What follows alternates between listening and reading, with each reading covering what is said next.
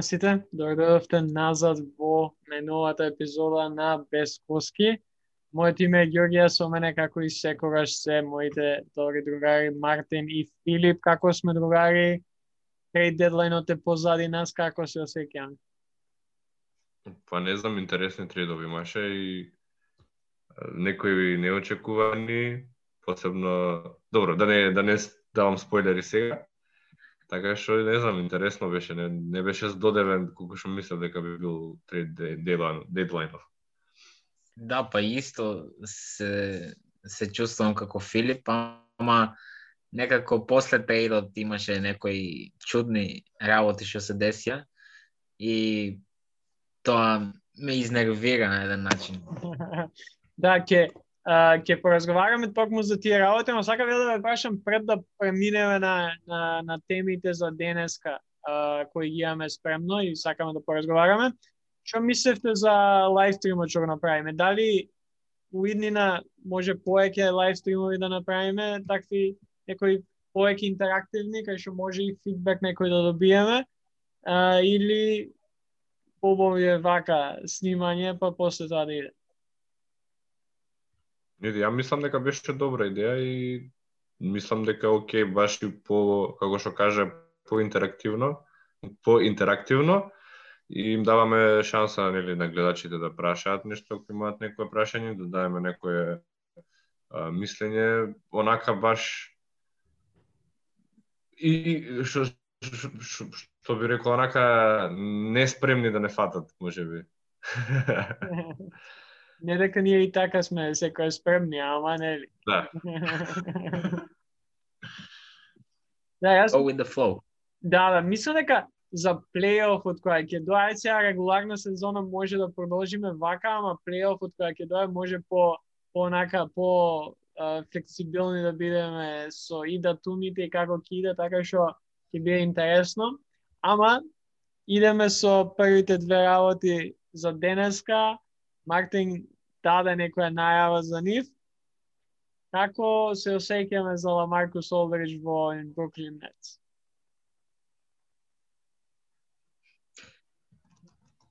Окей, okay, who should start? Мислам тишинава неколку секунди дава вистинско како отсликување на како уствари се осеќаме за него у Нетс. Не, па може да дадеме една минута мол за сите 29 тимови во НБА. Зошто? Зошто ли зошто? Знаете, ја, ја очекував Драмон да иде таму, ама не ни помислував дека Ламаркус Олдрич ќе заврши у Нетс. Као, мислев дека Мајами ќе го зема. Или може би евентуално Лейкерс, ама Мајами ми беа онака први на листата на, а, на која екипа би завршил Лолдрич, ама Нетс која видов, ја мислев, а, баш таа вечер бев заспал и кога станав, бев као чекај дали сонувам или стварно овие пар и овој го подпишат.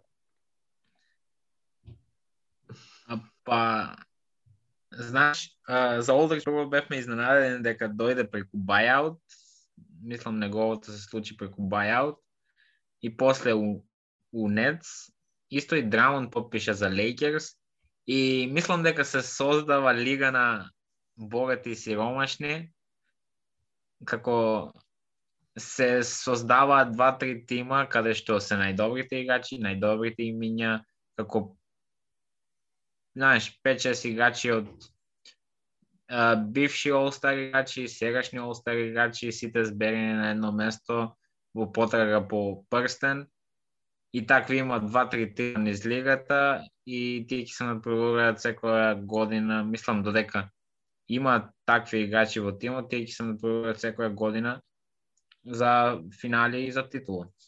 Ма чекање ли од овај овај подпишување на на Драмонт нели не е официјално, уште се чека. Мислам дека сега кога 10 сат снимаме на вечер недела, пред неколку сати се Не знам кој, ај баш ќе проверам, а мислам дека мислам, и тоа не, пошто ја видов пред два сати негде при колку беше на Воджи имаше пишано дека планира, дека уште не нели најверојатно би подпишал, ама уште дека не е Да. подпишан, не е потврден. Да, као Drummond plans to sign with Lakers, така што тоа што Вож го има стајање, ја мислам дека е дан дил, реално. Да, да.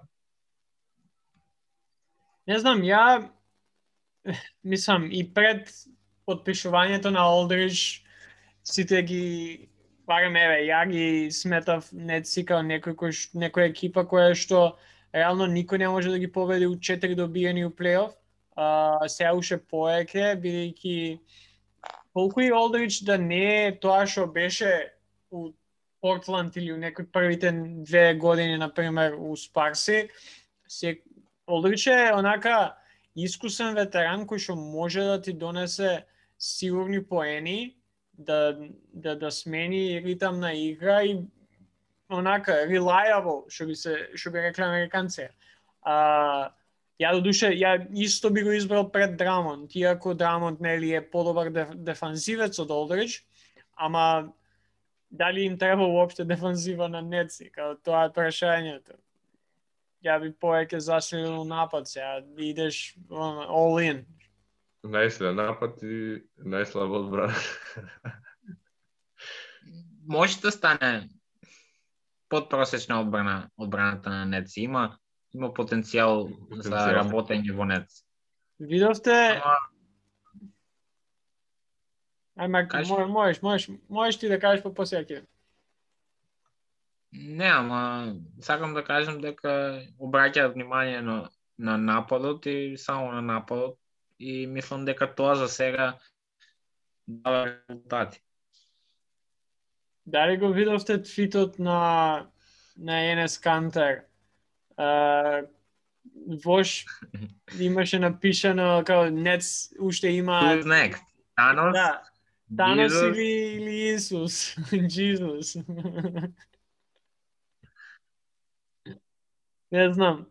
Стварно, Па, ја изненаден сум. Не, имаат имаат а, едно едно место празно простор. Да. Ќе видиме кај кој ќе го подпишаат, ама Кој кој би сакале да го видите? Галактус? Па, искрено, во плейофот 16-0, ако не се случи тоа, се а, изненадување за мене се друго. Би било интересно да се види. Ја мислам дека оке, може нема да идат 16-0, ама дефинитивно не очекувам некој да земе повеќе од една, две максимум утакмици против нив. Као проблемот проблемот со нив е што човек да имаш еден од овие од тројцата нај најдобри играчи одсутен, ти повторно имаш еден од една од најдобрите екипи у лигата. А поготово кога ќе бидат сите тројца, не знам, премногу е. Just too much. Ама, како се осеќаме за, за Драмон у Лейкерс? Што мислиме за тоа? Па добра замена, добра. Не, нели нема да биде на ниво на Дейвис. Ама ја подполно еве да дава нели црсена на одбраната. Не е толку лош во напад. Ја ширал играта нели да речеме на на на, на Лейкерс од шут за три поени, бидејќи како што знаеме нели игра во рекет повеќе Драмонт, баш онака по-класичен центар е, кај што еве на пример Девис би изиграл и на тројка, би им, им дава некоја флексибилност, некоја слобода да речеме на за за шут на на на Лейкерс. Да, ја, ја го гледам као некоја слична улога да има као Двајт Хауард лани што имаше. Да. Мислам дека може и надоградена верзија на Двајт Хауард од ланската сезона, така што стварно не го мразам неговото донесување. Иако, пак ќе кажем, сметам за Лейкерс е многу важно да видиме е, кога ќе се вратат Ентони Дейвис, кога ќе се врати Леброн, како, знаеш, како ќе се вратат, како ќе играат Лейкерс и додека овие се надвор. Пошто на крај на ден може и тоа местото кај што Лейкерси ќе паднат за у плейоф да биде доста важно, бидејќи тие друго е да играш против Портланд у прва рунда, друго е да играш против Клиперси, например. И да. мислам дека тоа ќе биде интересно и за Лейкерси тоа ми е главното прашање. Иако, знаеш, Драмон... За сега, за сега играат против, ако заврши нели сезонава денеска регуларна, и играат против Денвер. Да, Што и Денвер е тежок противник. Да, Абсолютно. искрено, не, ова мое мислење е дека нели Феникс колку што има добра сезона, ја мислам дека сепак нели нема да имаат некој голем успех во плейоф. Така што евентуално ако паднат подолу да гледат да да бидат тие противници во прва рунда. Па како конфиденс буст нели ги победивме ние, сега можеме и друг тим да победиме. Да, ако денеска е плейофот, ги имаме прва рунда мечап Феникс против Спарс. Па Спарси Да, ама нели плейоф турнир треба да има. Да, да, да, ама еве, еве, да, да, да кажеме да. дека така Според позиција, нели, да. Да, да, според позициите. Баш ми е чуден тој мечап кој што пред сезона никој не би го предвидел реално. Инаку за Дейвис се се предпоставува дека ќе се врати за 2-3 недели, а за, а за Леброн 4 до 6. Да. Така да Дейвис ќе се врати порано и ќе ги земе конците во своји раце и мислам дека ќе имаат порази сега, да. ама кога Дейвис ќе се врати, ќе играат, мислам, може да се 50-50 и по, со победи и порез. Да. Ќе се ќе се стабилизира дефинитивно. Uh, само што може ви ќе прекасно за да се престигне на пример Клиперс и на трето место и четвртото да биде максимум. Тоа би било некаде ја кај би ги гледал. Uh, пак ќе зависи од тоа како Девис ќе се врати бидејќи нели не играше нешто најдобра сезона и до пред да се повреди, пред да се повреди. Така што ќе биде интересно како целиот тој процес ќе се обива и, и на која ниво он ќе се врати. Ама ќе видиме како ќе биде уште едно мислам уште еден играч кој што е на buyout и кој што моментално нема екипа е Остин Риверс кој што Оклахома го го катна. А, сега за сега тоа што читам дека Бакси се лидери да го да го подпишат Остин. Мислам дека Баксис Ники онака добри играчи подпиша, како PJ Такер, кој што може и заборавивме no. дека сега сега кај нив. Ако го доаѓаат Остин Риверс, кој што нема толку лоша сезона, а, може да им малце од малце да им припарат на, на неци, иако пак ја кажам, тоа Малце ми е жал за, за, за целиот исток таму. Да. А, за целата лига на мене ми е жал.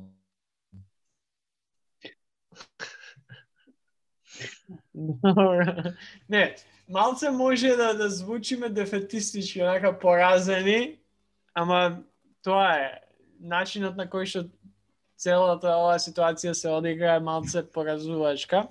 А, сакам да ве прашам, Еве, неколку дена после трейд дедлайнот, како се осеќаме а, за за за сите трейдови и сите а, работи кои се кои што се издешава. Дали се уште ги мислиме истите мислења или може променивте некое мислење за екипа или за играч или за било што? Па јас уште стојам на моите мислења и бидејќи повеќе од играчите не се немат играно утакмица после трейдовите. И още останувам на тоа почетно мислење дека чекам да видам прво како ќе играат, како ќе придонесат во нивните нови тимови, потоа може да го променам или да ми остане мислење.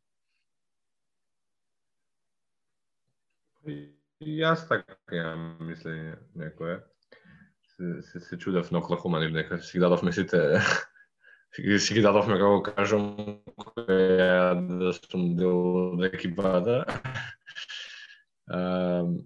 што ги да нели да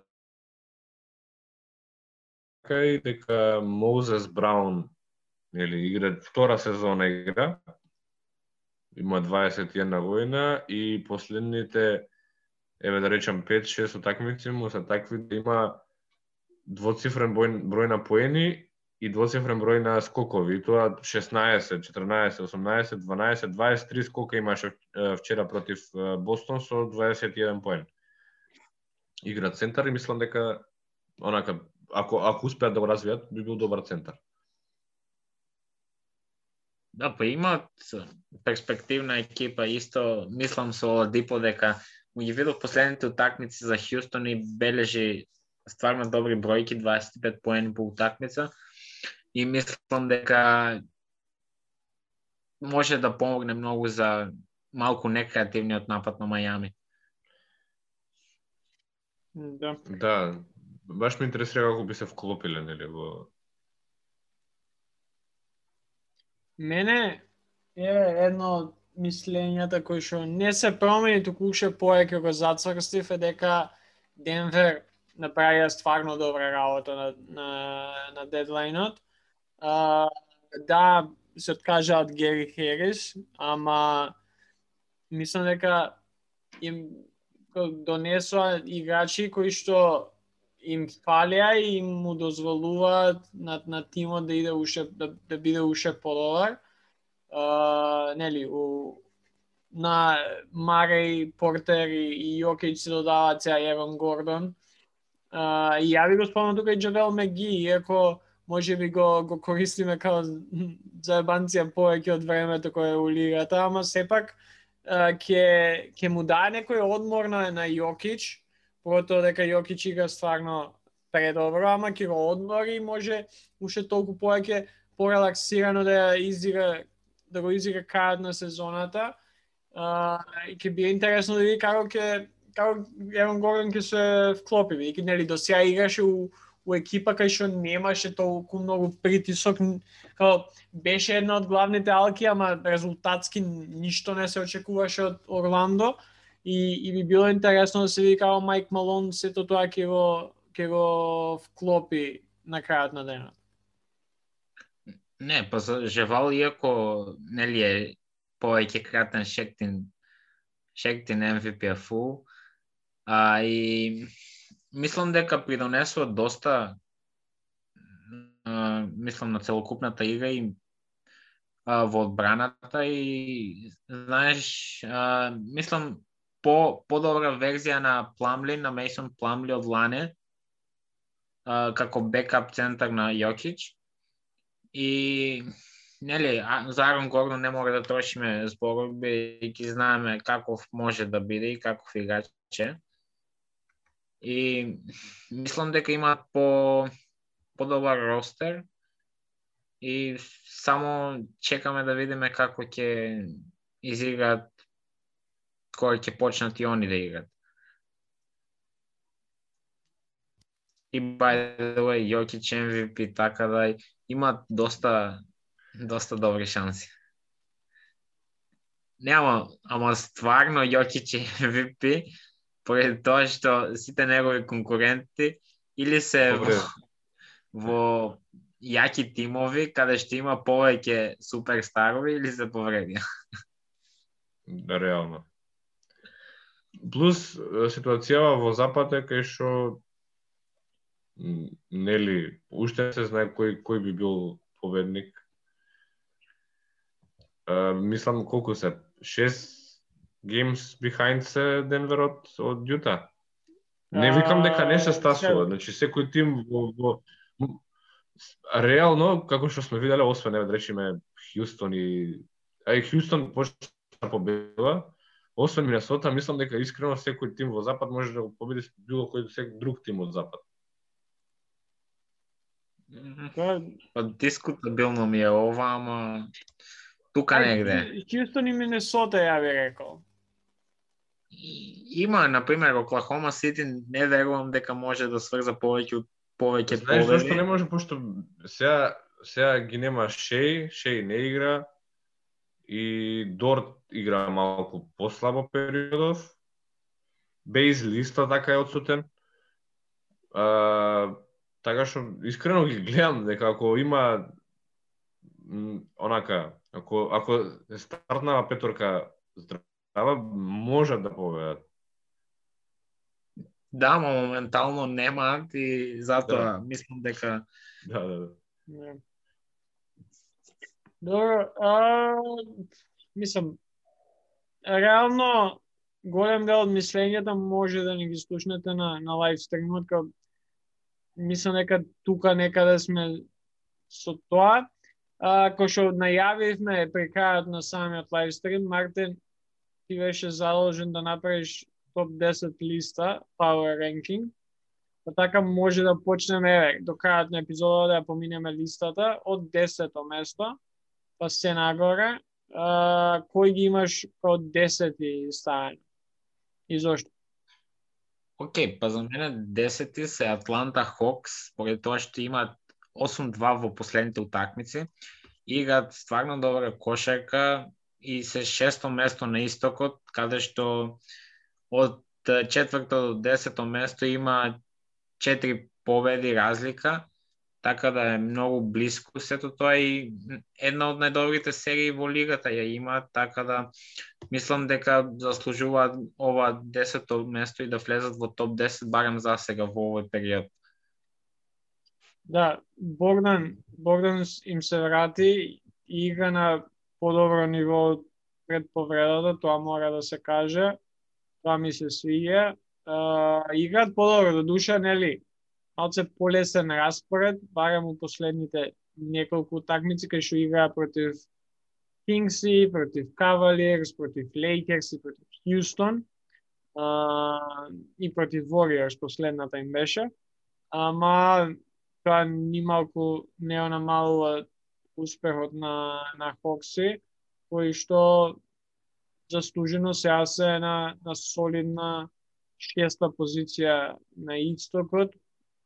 Иако ја би рекол имаат шанса да да стигнат до пета, а, па може и да остане таму бидејќи за нив се Бостон и Мајами, а пред нив се Шарлот и Никс. Тоа Шарлот која која може дали е Шарлот уствари најголемо изненадување до сега да биде толку голе висок. Па и Санс ми се малку Да, Поголемо може изненадување. повеќе шанс. Пошто Не, ама Шарлот ама се околу 50% победи, а добро, и нели на на петта позиција, на ама четврт. Феникс имаат 70% победи и се 31-14. Да Да, или ама- второ место на запад. Ама- на ама запад, пази, значи. Феникс гледавме на што може што може да направат лани у, у баболот. Сваќаш, ја од Феникс не сум толку многу изненад, као изненадување се. Ама они покажаа дека може да се носат со сите и може да победуваат у баболот премно. А, знаеш, Ја, е, Дека- е, види, таа тие последните утакмици или во бабл како што беше, ја ги ги ги, ги гледав искрено како онака неш дека немаат можеби играно тимови, та- барем ја така ги гледав. Тие нели сите се припремат за плейоф и искрено така ги гледав. Нема, види, во Не, бабл да, no shade, ко, тоа што го направи беше фантастично, ама пак, а, сакам да га извини што те прекинав. не, не, не ме Сакам- прекинуваш. Сакам да кажам дека во баболот а, тие плейоф тимови што веќе знаеа дека се влезени, не, ја нема а, home court advantage повеќе и, и Да. буквално нема потреба да играат за да победат, туку и- играа рекреативно за да се загреат за она што навистина следува, а тоа е плейоф. А Така. Феникс треба треба да победуваат за да играат плейн турнир и за да влезат во плейоф. И, и затоа од нивна страна беше има повеќе победи отколку некои тимови како што беа Лейкерс и Клиперс и и и тие и седум утакмици се така а, тука Тоа не ми ама- наговестуваше дека ќе имаат ваква сезона. Да, ама пак е, е добар предзнак за она што може да се случи оваа сезона и се случи. Така што ја не гледам као, као circumstances aside, без разлика зошто се должеле тие победи у бабалот. Сепак тие победи беа само некоја најава на она што се случи во сезонава. Затоа ја на пример не сум толку изненаден. И ки ја ја од Чарлот очекував да бидат една од најлошите екипи у лигата. Искрено, јас од Чарлот очекував да бидат плей-ин турнир екипа. Да, не знам да се навратиме да, да слушнеме што сме зборувале тоаш. Да, м, да изненадување, ама пак не можеш да ги Ова што моментално го прави Феникс да се втори на запад е фантастично реално. Еве, нели Лейкерс имаат повредени играчи, ама Клипер се прилично здрави. Нели, нема повреди и се он пар и со Јута, и со Клиперс, и се подобри од Лейкерс, се подобри од Денвер моментално, нели, во регуларна сезона, ама сепак постигнаа толку многу. И пај, мислам, требаше да збориме за Атланта, ама ајде. А, ги имаш Сан, Да. на кое место ги имаш Санси? Uh, Санси ми се на, Чекај да одиме поред, а? Или? на шесто место. Добро, ајде. А, Атланта, ја ќе кажам заслужено. А, мило ми е, Богдан се раќа, игра добро. А, не знам, што имате да додадете? Не направи ја нешто на сега на, на дедлайнот. Па има при... Океј, има прилично лесен распоред, да кажам. А... Нели, по, особено појакиве тимови ги победија Лейкерс, ама без Леброн и без Дейвис, загубија од Клиперс и загубија од Сакраменто. Таа со Сакраменто може би треба да ја победат. Тесна утакмица беше. Ама сепак кога што што го постигна 8-2, нели 8-0 има ја мислам, или 7-0, серија беше е фантастична, нели? Од тимот Исток со Богдан се врати од повреда и видовме што може да постигнат. Да. Продолжуваме девето. Океј, девета. Девето ми се Лос Анджелес Лейкерс. А, Мислам- да го образложам мојот пик. Значи, во последните 10 утакмици имаат 5, 5 скор, што е окей.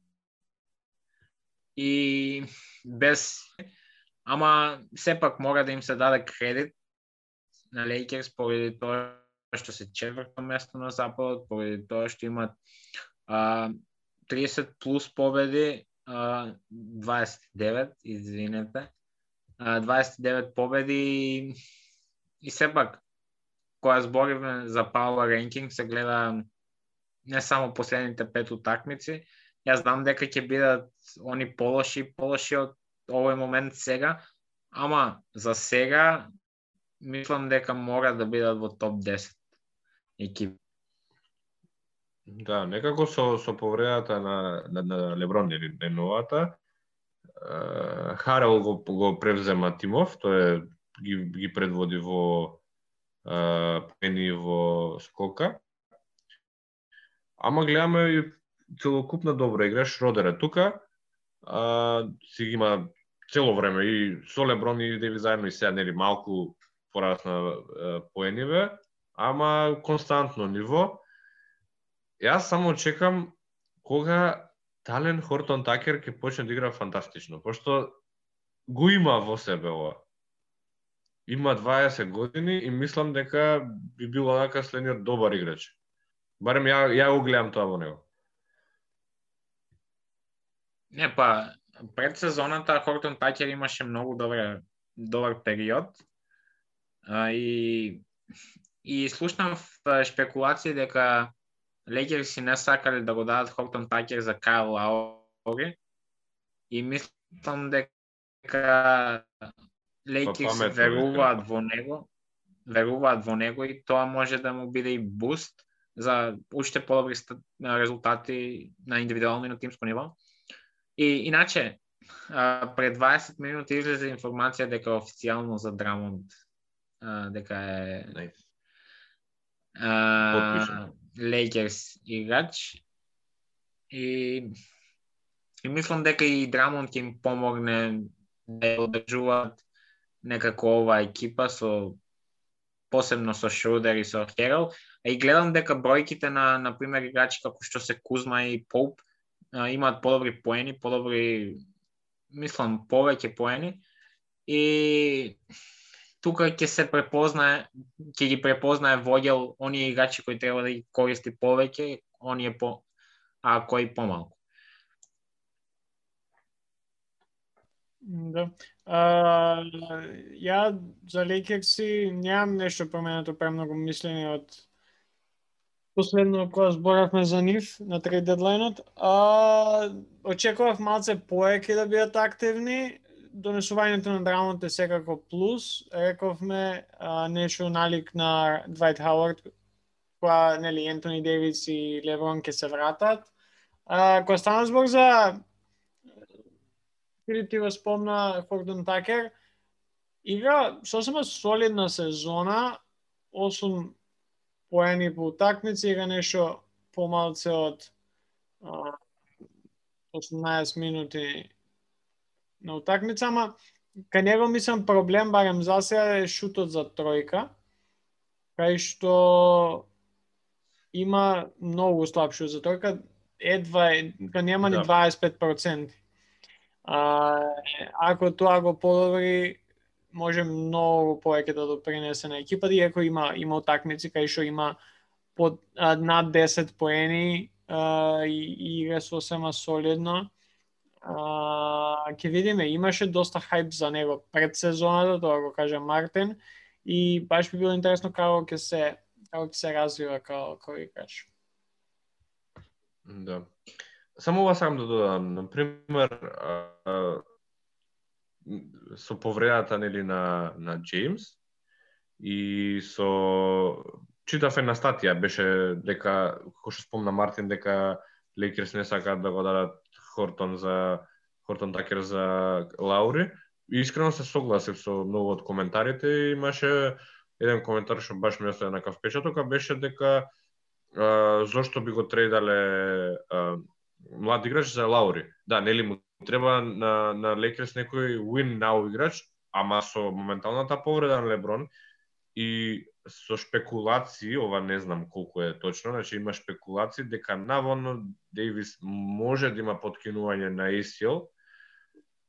не е сигурно дали овој трет би успел и, и правилната одлука ја носат ја носат Лекерс со тоа што го задржуваат Хортон Такер, едно заради што е млад играч со многу перспективна иднина, И друго заради тоа што Лаури реално уште колку сезони бирал, две-три на, на истото ниво. Така што да, ама, мене добра. Ама можеш да си го поставиш тоа прашање за Леброн. Да, ама Лаури не е на Како... нивото на Леброн. Да, не е на исто ниво. Да, ама со тоа што ќе го имаш Леброн за 2-3 години, ќе имаш подобар играч у Кај Лаури наместо Хортон Такер. Тоа ми беше зборот. И сега, okay, кога да, Леброн ќе тоа... си оди, може ќе се случи реконструкција на тимот. И Хоктон Такер ќе биде голем дел од таа реконструкција на Лейкерс, ама тоа е за идни на која Лейкерс, мислам, спремат за сегашност. Инаку се секунда, сега се вака блокнавна, кој ќе имам, кој кажам нешто погрешно, нели кажав за Девис ACL, не ACL, туку е хиловата, нели ја повреди со за наложа, calf injury. Да. Океј, да. следен тим е Portland Trail Blazers. Uh, мислам имаат многу добар скор, се шесто место во западот, имаат 6-4 во последните 10 утакмици. Uh, сега се врати и Меколум, се врати и Јусуф Нуркич, Лилар тига маестрално последниот период и со трейдот на Родни Худ и Гери Трент Джуниор со Норман Пауел мислам дека добија еден од најдобрите играчи од клупа и еден од најдобрите шутери.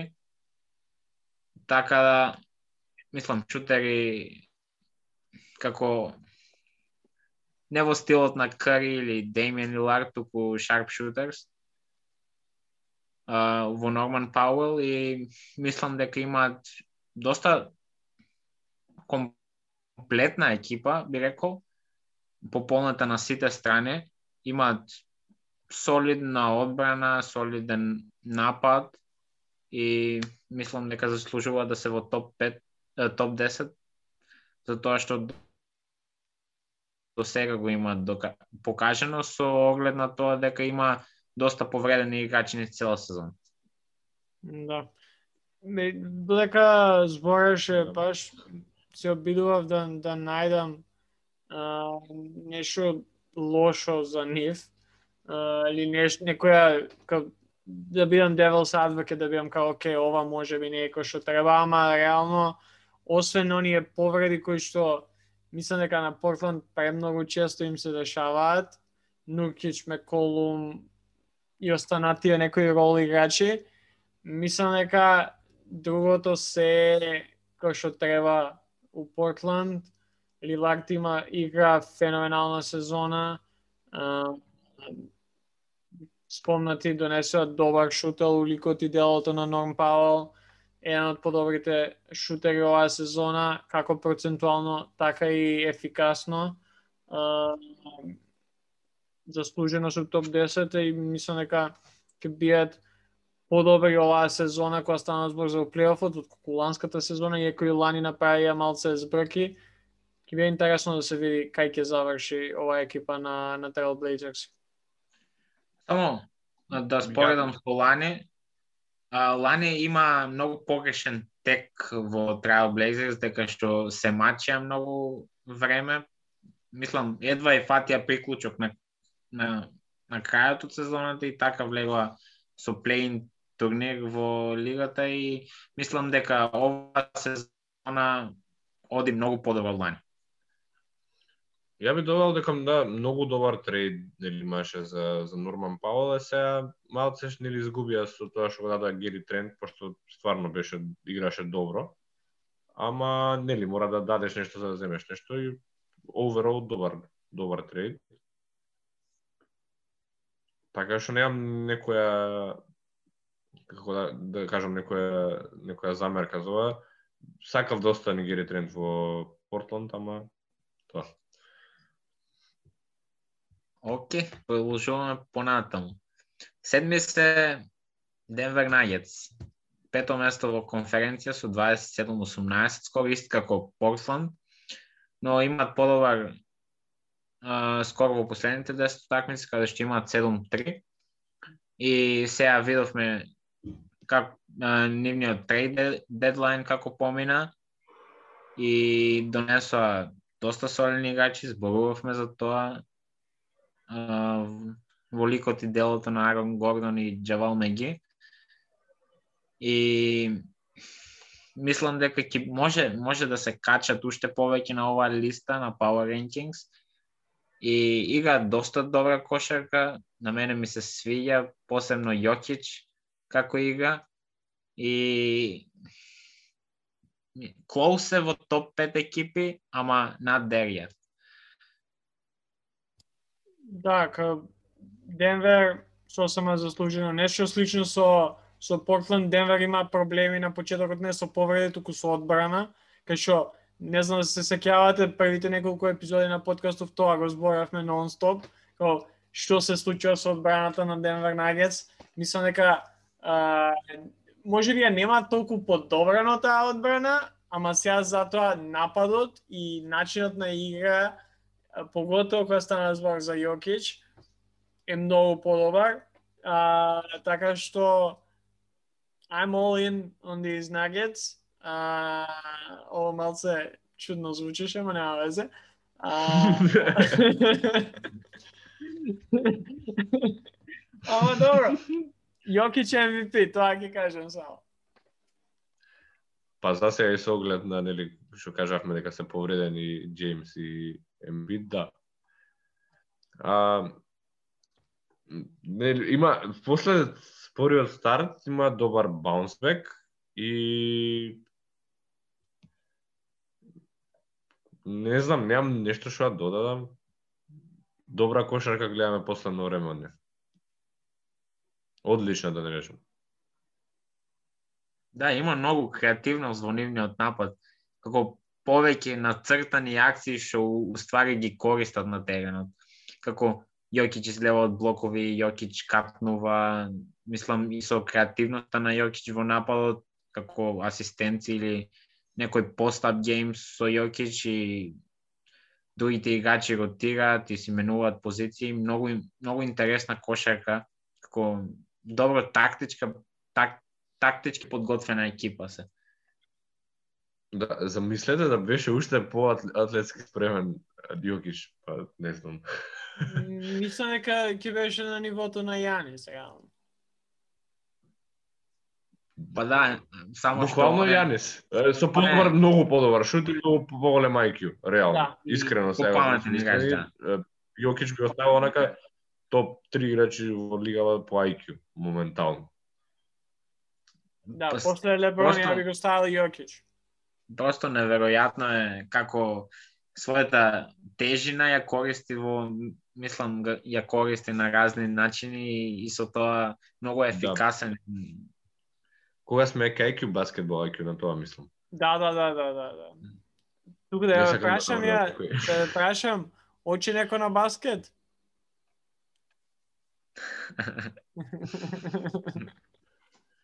Не, Вистински. едва, едва ја чекам Јокич MVP, а, а, мислам прв европеец вале, не, Дирк освои. MVP? да, два пати. Да. Два пати мислам, или еднаш. Сега да те факт чекнам. Да, тој е првиот европеец. Добро, ај првиот од, од овие простори ќе ви е Јокич. Од Балкан. Устори не од 2007. Балкан, нели освои Јанис. Јанис не осметаме сега, овие простори Југославија. Југославија. Јанис, Грција е под нас. Јанис заборев дека од Европа, као тотално заборев на неа. Да. 2007 инаку Новицки освои MVP, ама добро. Следен, следни на листата кој се макте, мислам уствари кажа, Феникс Санс. Рековме да, Феникс Санс. И мислам дека зборевме за нив, за нив. Сме збореле пред- премногу за Многу ја нив. Да. Да. Океј, со поминуваме на петото место, а тоа се Милвоки Бакс. Е сега. Милвоки има доста добар скор, има 29-16 и се трети, со во последните утакмици имаат скоро 8-2. Ед, мислам, најдобар скор во лигата и го делат нели со Сиксерси, со Нетси и мислам дека со Феникс Санс го делат. И мислам, знаеме дека играат на исток и со полесен распоред до некаде, ама имаат добра екипа и сега со Такер, а може и Остин Риверс да го земат како free agent. Мислам дека имаат, па за мене се иначе фаворити за за финале на конференција со Бруклин Нетс и таму таму ги гледам и мислам за а, дека ќе се качат повисоко на овој power ranking наш, бидејќи ќе продолжат во оваа форма да играат и после сум сигурен во тоа и, и сум сигурен во Јанис дека е многу константен играч и и да, да не одол, одолговлекувам многу Ин, да ве оставам интересно, да кажам. Да, интересно нешто за Бакси, освен нели тоа што кажав, стварно имаат добри и у оф сезоната, и у предсезоната, и сега за, за трейд дедлайнот, доста добри работи направија. Е, сега баш гледам, следните шест утакмици играат против екипи од Западот, да сите гос, гостувања се, Клиперси, Лейкерси, Портланд, има еки, а, утакмица против Кингс, Warriors и Далас. Така што мислам дека ќе биде интересно да се види како овој период од, од шест утакмици ќе го ќе го изиграат. Uh, ќе ја би сакал да видам како PJ така ќе се вклопи, поготово кога станува збор за а, за плейофот, мислам дека ќе биде стварно а, добро заселување. Не знам дали видовте интересно, а, брат му на, на Јанис имаше off night, кај што дае 23 поени и 10 скокови имаше, Танасис, у, у поредот против Никс. Тоа би било интересно да се види дали може повеќе вакви партии да дава, ама Бакси не би долаја ништо премногу, исто ја ги, ги сметам подобри од Сиксерс која станува збор за плейоф. Мислам дека а, може да добија две утакмици против Нец, некако. И дури тоа може да премногу. Ја би, би кажал дека а, нели многу добар скор има а, последно време и тие слично како и Денвер има спор старт. А како што како што памтиме нели почна споро, па сега еве се зацементира на на врвов од табелата. А, екипите против кои што играа овие 8 утакмици, нели, имаше некои послаби екипи, ама имаше екипи како Бостон, еднаш победи, еднаш загуби од Бостон. Се загубија Нью Йорк, ама го немаше Јанис. А, победија против Клиперс, мислам, еднаш. Uh, прилично добри екипи, игра против прилично добри екипи и се, се гледа квалитетот дека е тука. Се надевам дека го инава би го имале нели она што го нема, ти достигнуваат до одредено ниво, многу добро играат во, во регуларна сезона, ама кога ќе дојде во плейоф, се нешто не се нешто фали. Така што сега со оваа нова екипа, нели, сменета, подмладена, да речеме, по свежа би успеале еве барем да да земат некоја такмица против Бруклин, иако тука се и Филаделфија се надевам дека би, би можеле нешто да направат на. Искрено, а, за плейоф кошерка во Бакси, мислам, се плашам дека проблемот е во Јанес, бидејќи е до, доста прочитан играч, мислам, со тоа што нема шут, знаеме што може да не очекува. И мислам дека како им се смалуваат опциите во напад на Бакси, и да, нема доволно Ама, ама сега го има Джу Холидей, Мидлтон е една, по, една година подобар, имаш Пиджей Такер, пак ќе кажам, Лопес, мислам дека има сосема солидни опции моментално, подобри од ланските сезони. Но јас комплетно се согласувам со, со Мартин, во смисла, истото важи и за Сјакам, дека не можеш само на роулинг, не можеш само на сила, мораш шут да имаш. Во, во денешнава кошарка мора да имаш шут. Да, има, му се подобрува секоја година, мислам, на да Јанис шутот, ама мора, мора некако и во право е Мартин, пошто станува предвидлив. Екипите знаат како да го чуваат, ако игра само тој, а видовме дека предходните утакмици плейофи и така се играше, и како беше ланската сезона кога победија утакмица кога не играше Јанис.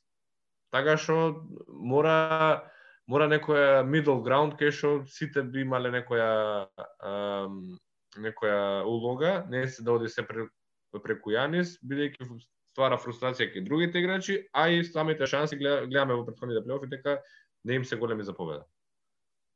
Това е мое мислење.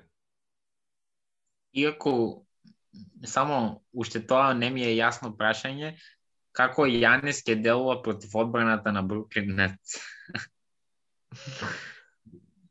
Тоа би било... Која одбрана? Драги комично за Неци, ама на другата страна колку може да ги бранат. Па тоа, ама а, ме интересира дали Нец ќе, ќе ја подобрат својата одбрана за Јанис или ќе биде швајцарско сирење во одбраната на Нец. Ви предпоставам дека Дурант би играл на, на Јанис. Така што Дурант не е лош дефанзивец, при, прилично солиден дефанзивец. Е сега со повредата што ја имаше и еве пак има повреда. Не знам. би го чувале пак и за во финале ако и ако треба. Специјалистот за одбрана треба. Специјалистот за одбрана Джеф Грин ќе остават на него. Да. Добро. Кои се следните, Марте? Филаделфија Сиксерс е на четврто место, мислам заслужено, знаеме каква сезона имат. први се на исток. Нели и со повредата на Джоел Ембит остануваат први веќе некое време и модулуваат на притисокот на Бруклин Нетс од, од позади, кои се на второ место. И мислам имаат 8-2 во последните 10 утакмици без Джоел Ембит сите. И и екипата е стварно полна со потенцијал, има добри имиња, добар тренер, добра одбрана, добар напад. Мислам комплетна екипа и и многу многу е подобра од лани. Да. На пример и и се гледа тоа поскоро. Да, ја би рекол дека Тобајас Херис игра една од многу Многу добра underrated сезона. underrated сезона, као не се збори премногу за него, а, не е толку а, по медиумите, ама игра стварно, стварно добро. 21, а, 21 поен по утакмица, скоро по 8 скокови, скоро 4 асистенции, ефикасно игра, не губи многу топки. А, игра стварно, стварно добра сезона. А, Сеткари е добар, тоа ми се свига. А, да рековме на пред неколку дена, као се осеќа стварно отсутството негово од Далас и мислам дека тоа што го даваше од Далас ланската сезона, тоа го дава ако не и повеќе сега за Сиксерси. А, стварно, стварно една добра екипа. А, штета нели што Ембит се повреди што ќе отсуствува, ама и без него, кој што кажа ти Мартин, играат играат предобро. На крај ја мислам дека сепак Неци ќе бидат први, ама Сиксерси се супер. Што би кажале за играта на Дени Грин? Не, не знам дали имате да забележано, ама Дени Грин како го нема Ембит, статистикава му е следна. 12 поени, 16, 3, 18, 18, 11, 11, 28 и 17. Конечно шутира добро од тројка, повеќе слобода има се дека го нема Ембит и стварно степ ап, мислам, и од ланската сезона која беше ужас за Дени Грин, сега конечно нака се покажува дека е уште добар шутер. Не, за Дени Грин мислам дека притисок што му го ствара јавноста во големите маркети, мислам Лейкерс особено, мислам дека влијае на него за да има по полоши шутерски вечери, лоша шутерска сезона. А, ќе го земам која беше у Спарси, каде што во финалето играше предобро и предобро шутираше, ама тогаш а, спотлајтот не беше на него Да, како Да. не требаше он да даде над 10 поени за да победа. Туку беше од позади играше, мислам од клупа влеваше или една година и беше стартер, ама никог, никогаш од него не очекува да биде да има предобра шутерска вечер и, и сето тоа. А во Лейкерс мислам самото тоа што е во Лос Анџелес си го прави своето, ама и и сите чекаа на него тој да погоди. Е сега до, во Филаделфија никој никој не зборува за Филаделфија и мислам дека тоа добро му влијае.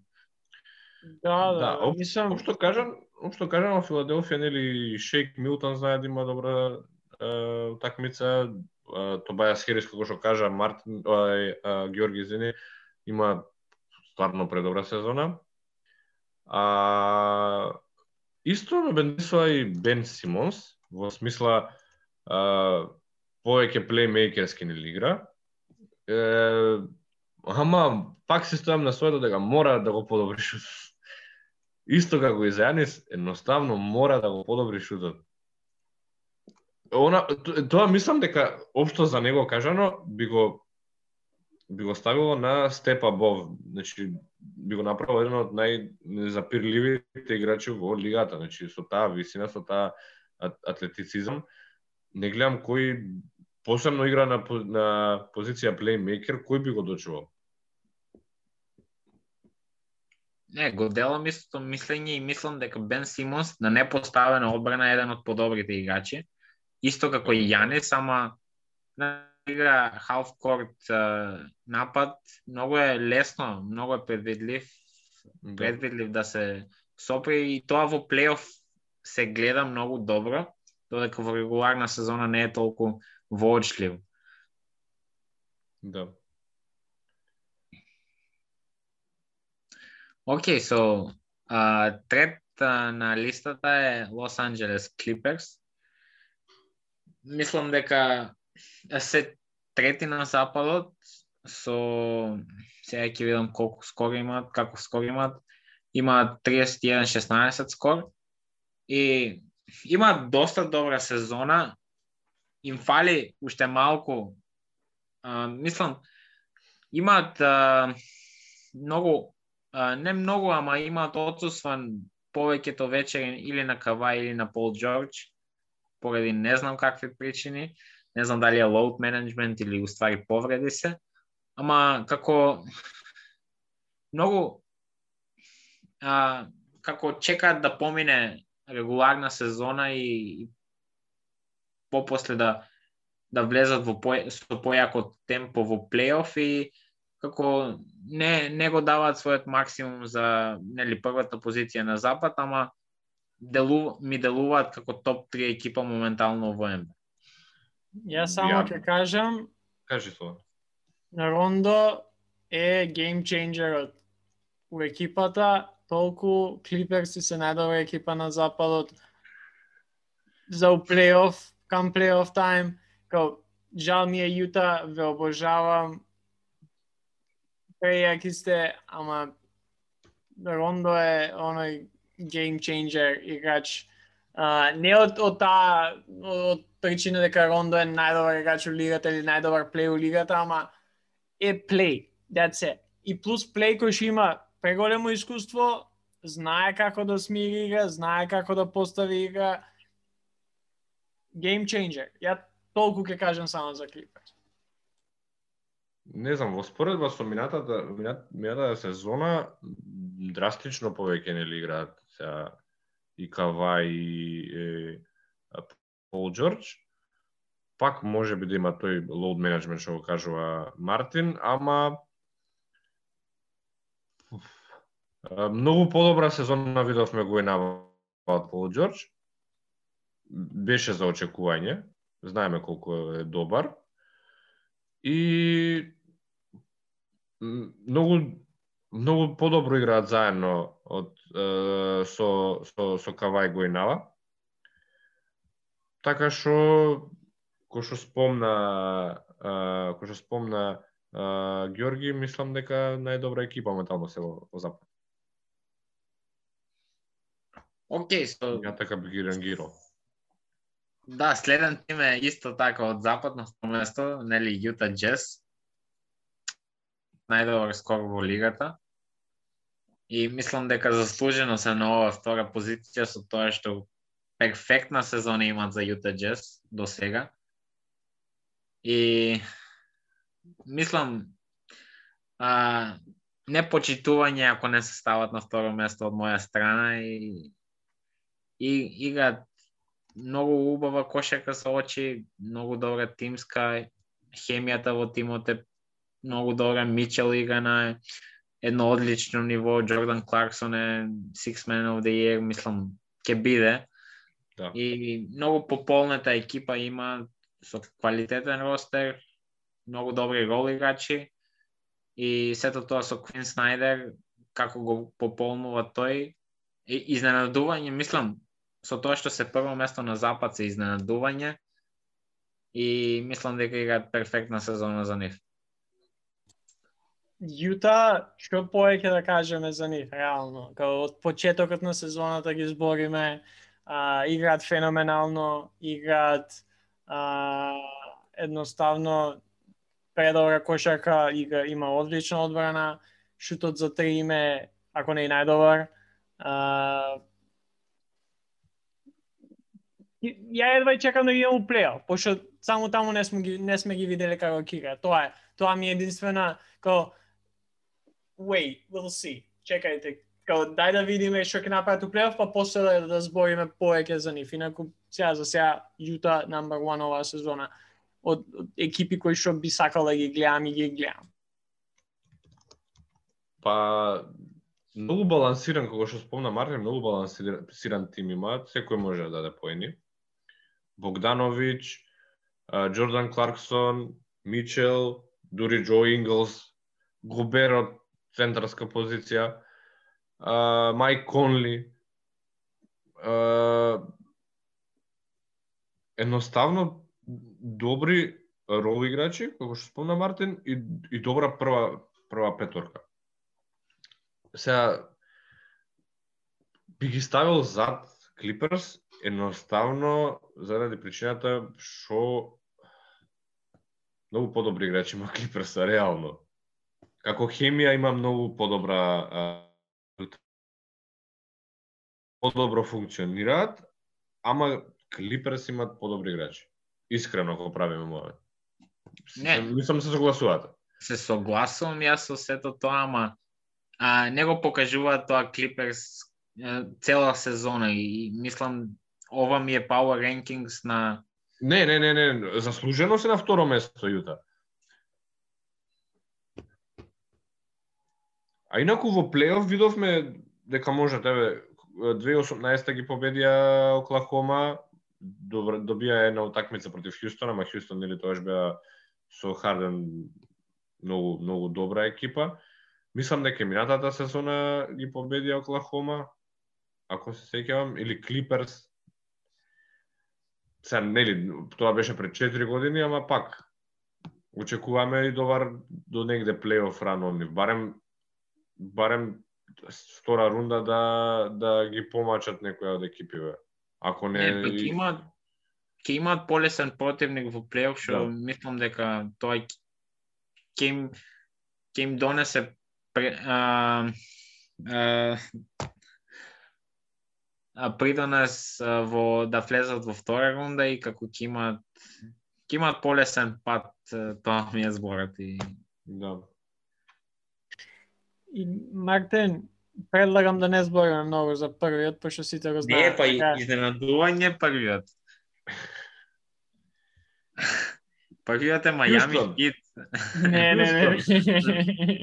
Хјустон стави, бидејќи победија после 21 пораз. Да, па, многу, многу пријатно изненадување ми се. Не, добро. Идеме прво секако. Океј, Бруклин Нетс, ајде. Толку, нема. Готово, готова епизодата. Имате нешто друго да кажете или? Значи, и со отсуство на, на Кайри, на Дурант, е, не знам, не, немам коментар. И, и стварно, ако забележавте, многу добра, добро игра. Се колку изигра, не изигра многу е, Грифин, ама добро изигра. да, да, да. да. Има Да, еден па, голем пораз сега од Јута пред некој ден 30 разлика, ама реално Харден, кажав многу пати, многу ми се допаѓа како игра во Бруклин. Многу подобро игра. Многу. па, Индивидуално може би не, ама и како тимски, како ги нема може би тие утакмици кај што има 60 поени, не ни се потребни. Не, па, па тоа е, мислам, е, растеретеноста е многу поголема моментално. Да. Не се очекува од тебе секоја такмица да дадеш 40-30 поени дури. Се очекува да доеш, да, да дадеш некоја тројка, да, знаеш, за Харден повеќе асистенции, 20 на кошери, другото ќе го покријат KD, ќе опокрие покрие Ирвинг, Джо Херис ќе даде некоја тројка, сега ги имаш Блейк Грифин и, и Олдрич кои што исто ќе дадат десетина до 15 кошери на, на секоја втора, трета утакмица. Инаку да да да те дополнам кога спомна дека е, изгуби од Јута во во таа утакмица баш сега гледав, значи не играле ниту Дурант, ниту Харден, ниту Ирвинг и Шамет, што реално Шамет има до, добар рол играча. Човек, јас сега имам да гледам првата постава. Брус Да. Браун, а, овој у мега Кој- кој визура се играше, Тимоти Луваву, wha- whatever, у мега визура, од таму го знам. Луваву Кабарот е многу Да, како да, да. подсеќа Не, на знам. на Харлен Знам дека е добар. Знам дека е добар играч, ама ја го знам од и секогаш ќе ми биде у главата како играч што играше у мега визура. У Бемакс, Да. што се сеа. А, Тайлер Џонсон, Джеф Грин и Џо Херис. Џо Херис за душа играл едва и 5 минути. Абе буквално ти викам кои се овие, бе? Прати на, на клупа. Ализе, Ализе Џонсон, Крис Чиоза, Реджи Пери, Николас Клакстон и Деандре Джордан. И толку. Од, овие, од оваа екипа, у плейоф која ќе доаѓа ќе игра Џо Херис, Джеф Грин, Брус Браун и Джордан. Деандре Джордан највеќе. Да. Па, Да, и може Луау да, да, игра некои минути Кабарот. и Клекстон. Ама, ама, буквално може, не знам, што што да кажеме повеќе за за Неци, премногу е, као too much. А, има нешто друго што сме заборавиле, некој, мислам, од екипите Мајами, Далас може да се најат, тие се нели првите 11-12 место, ја би кажал. А, Бостон ми се чудни, не знам што се дешава Да. со нив. А, Па, Golden во State. таа во таа чудна категорија би можел да ги ставиш и Мајами Хит. Да, да, Мајами, Бостон, Голден Стейт, ја би ставил, uh, Индијана, исто. Сакраменто повеќе, реално, пошто се 7-3 во последните 10. Да, и Никс, мислам, пето место Никси, се на Никси исто. заслужува да се спомне, да, да, да, да. Ама тоа е, а друго нешто немаше премногу измината недела, нели, фокусирани бевме на драфтот. Мартин, ја и ти гледаме Марч Madness. Филип, не знам, не, не сме те прашале тебе. Гледаш нешто Да, полеч па гледав нешто, ама не знам. Не не сум толку заинтересиран и сега колоквиумска ми иде, морам аз на на учење се фокусирам така што многу не не ги гледам од Па, Марч по- Меднес. Попаметно е на фокусирање да се Многу на, попаметно. на учење да се фокусираш. Многу попаметно. Ја моментално не знам кај ми е главата. March Madness, сега баш правевме фентаси, бейсбол, лига, драфт. Сега ќе почне и бейсбол за мене 1 април. Не знам ја што ќе правам со факултетов, ама знам дека ќе биде интересно кога ќе дое време за испит. Basically, basically едва и чекам лето. Да. да, го... Единствена е, утакмица што ја гледав од од од Марч Меднес беше Джорджтаун со Колорадо. Така се погоди и беше на крајот блоуаут и бев Добро, се, ти си промашил утакмица на Мартин. Првата му беше а, базар битер за, за, за продолжение, затоа го навлеков и него за, за March Madness. Hey, lucky me. I gotta say.